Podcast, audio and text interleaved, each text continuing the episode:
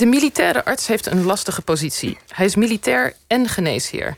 Hij moet de soldaat zien als op te lappen vechtmachine, maar die soldaat ook behandelen als mens en patiënt. Ja, en wat komt eerst, de soldaat of de mens? En wanneer beginnen die verschillende taken te wringen? Dat beschrijft Leo van Bergen in zijn nieuwe boek Pro Patria et Patienti, ik zal het vast, dat doet er niet toe.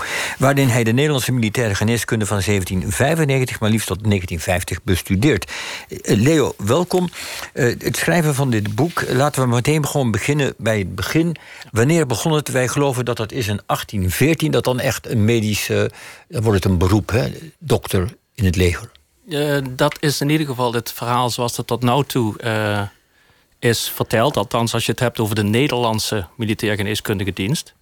Maar uiteraard waren er al eeuwen daarvoor artsen en andere gezondheidswerkers, al moest je dat dan heel vaak tussen aanhalingstekens zetten, die, die uh, naar het heil van de, van de soldaat keken en die dan toch probeerden die soldaten of weer op te lappen of in ieder geval weer in leven, in, of in ieder geval in leven te houden. Maar ook als je zegt, uh, in 1814 werd de Nederlandse MGD opgericht, dan nog MGD? Klopt, Militaire Geneeskundige Dienst. ja opgericht. Dan nog klopt het eigenlijk niet, want het is een heroprichting van een organisatie die al in 1795 in het begin van de Bataafse Republiek werd opgericht.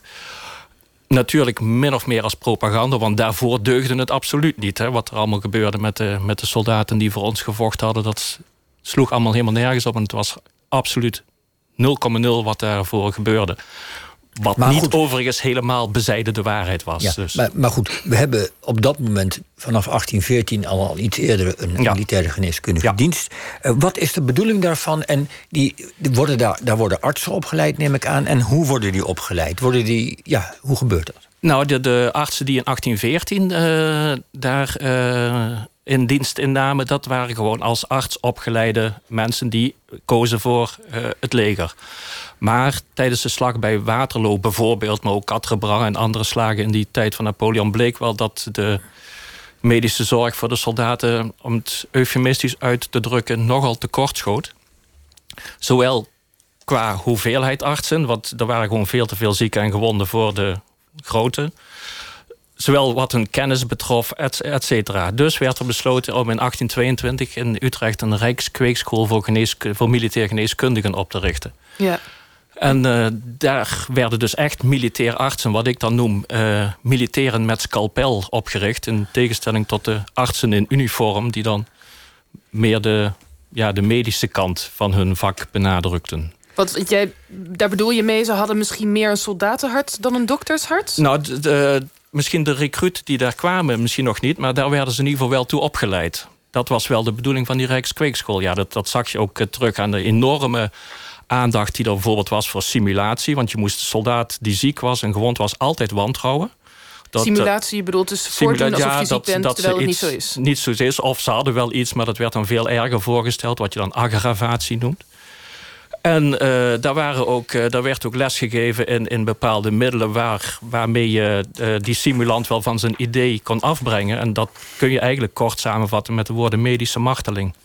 Nou, noem, eens, leg eens, noem eens één voorbeeld van hoe dan een simulant uh, door, laten we zeggen, nou medische ja, marteling als hij iets aan zijn been had, dan werd gezegd, nou, dat is de laars van Huntington, is wel een heel mooi ding. En dat kwam er in feite op neer dat dat been gewoon werd afgeklemd.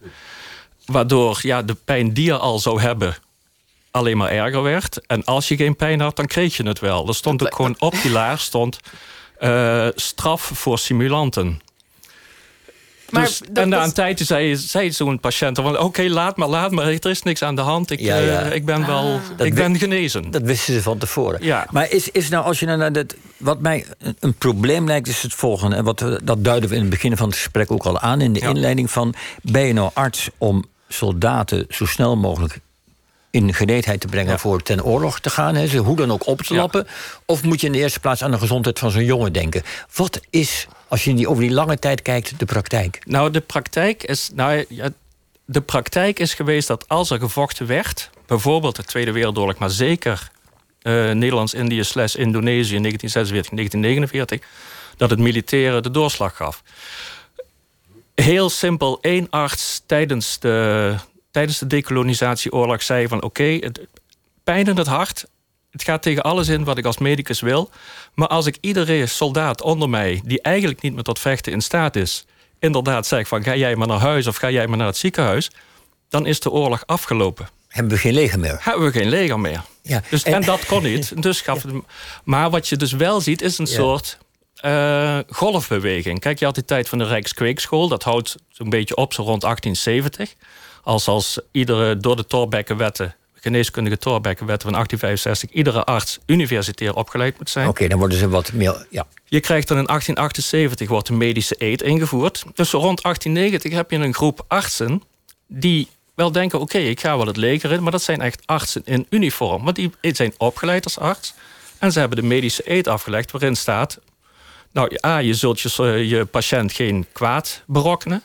En B, staat erin, uh, alles wat mij in vertrouwen wordt uh, medegedeeld, zal ik niet aan anderen ja, geven. Dus, dus, ja. dus dan krijg je een, een, een behoorlijke discrepantie met de militaire eet, waar in feite zegt je moet vele gehoorzamen, ook als dat bevel is, ik wil weten wat die patiënt van jou heeft. Ja, dus dat gaat een beetje wringen. Dat gaat wringen. En dan, dan zie je ook Heb echt, je ook een voorbeeld van? Hoe, hoe kun je dat met een voorbeeld invoelbaar maken? Nou ja, dat heeft bijvoorbeeld in de Tweede Wereldoorlog in 19, of in de Eerste Wereldoorlog in 1915 heeft dat tot twee rechtszaken geleid. Later kwam er nog eentje na de bombardement op de zeven provincie in 19, uh, was het 33? 33, 33. dat zijn muiters die... Ja, uh, ja.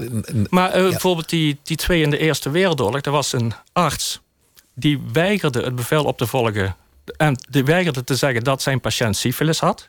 Dat lag natuurlijk helemaal gevoelig. Kijk, je kunt best zeggen dat iemand een gebroken been heeft. Dat is allemaal niet zo'n probleem. Maar syfilis, dat ligt natuurlijk al een stuk gevoeliger. En dat weigerde die omdat hij dacht van ja, als ik dat ga doorbrieven, dan komen al die andere soldaten die syfilis hebben, die zeggen nou, ik, uh, ik, uh, ik wacht maar met, met, met zeggen dat ik dat heb, want uh, wellicht gaat het vanzelf over, maar dan krijg ik alleen maar moeilijkheden mee. Dus dat ga ik niet zeggen. Ja. Dus die weigerde dat door te geven.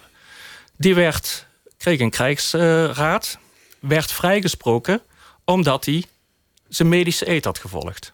Tegelijkertijd was er een andere rechtszaak van een soldaat die was aangeklaagd door een patiënt. Omdat hij wel had gezegd wat hij was en dus een medische eet had overtreden. Die werd vrijgesproken omdat hij volgens een militaire eet had gehandeld.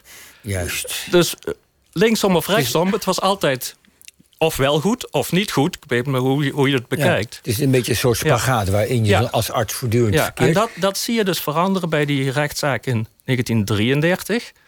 Waarin een, uh, eigenlijk een, een beetje een, uh, een, arts ging gewonde muiters behandelen... die na het bombardement op de, uh, op de zeven provinciën gewond waren geraakt. Hem werd verweten door de krijgsraad dat hij dat niet als militair, niet gewapend had gedaan. Hij had dus eigenlijk als arts gehandeld. Je zou verwachten, oké, daar volgt vrijspraak... want in 1915 werd degene vrijgesproken... omdat hij volgens een medische eet had gehandeld. In hoger beroep, hij werd veroordeeld. In hoger beroep werd dat weliswaar een stuk teruggebracht, die straf.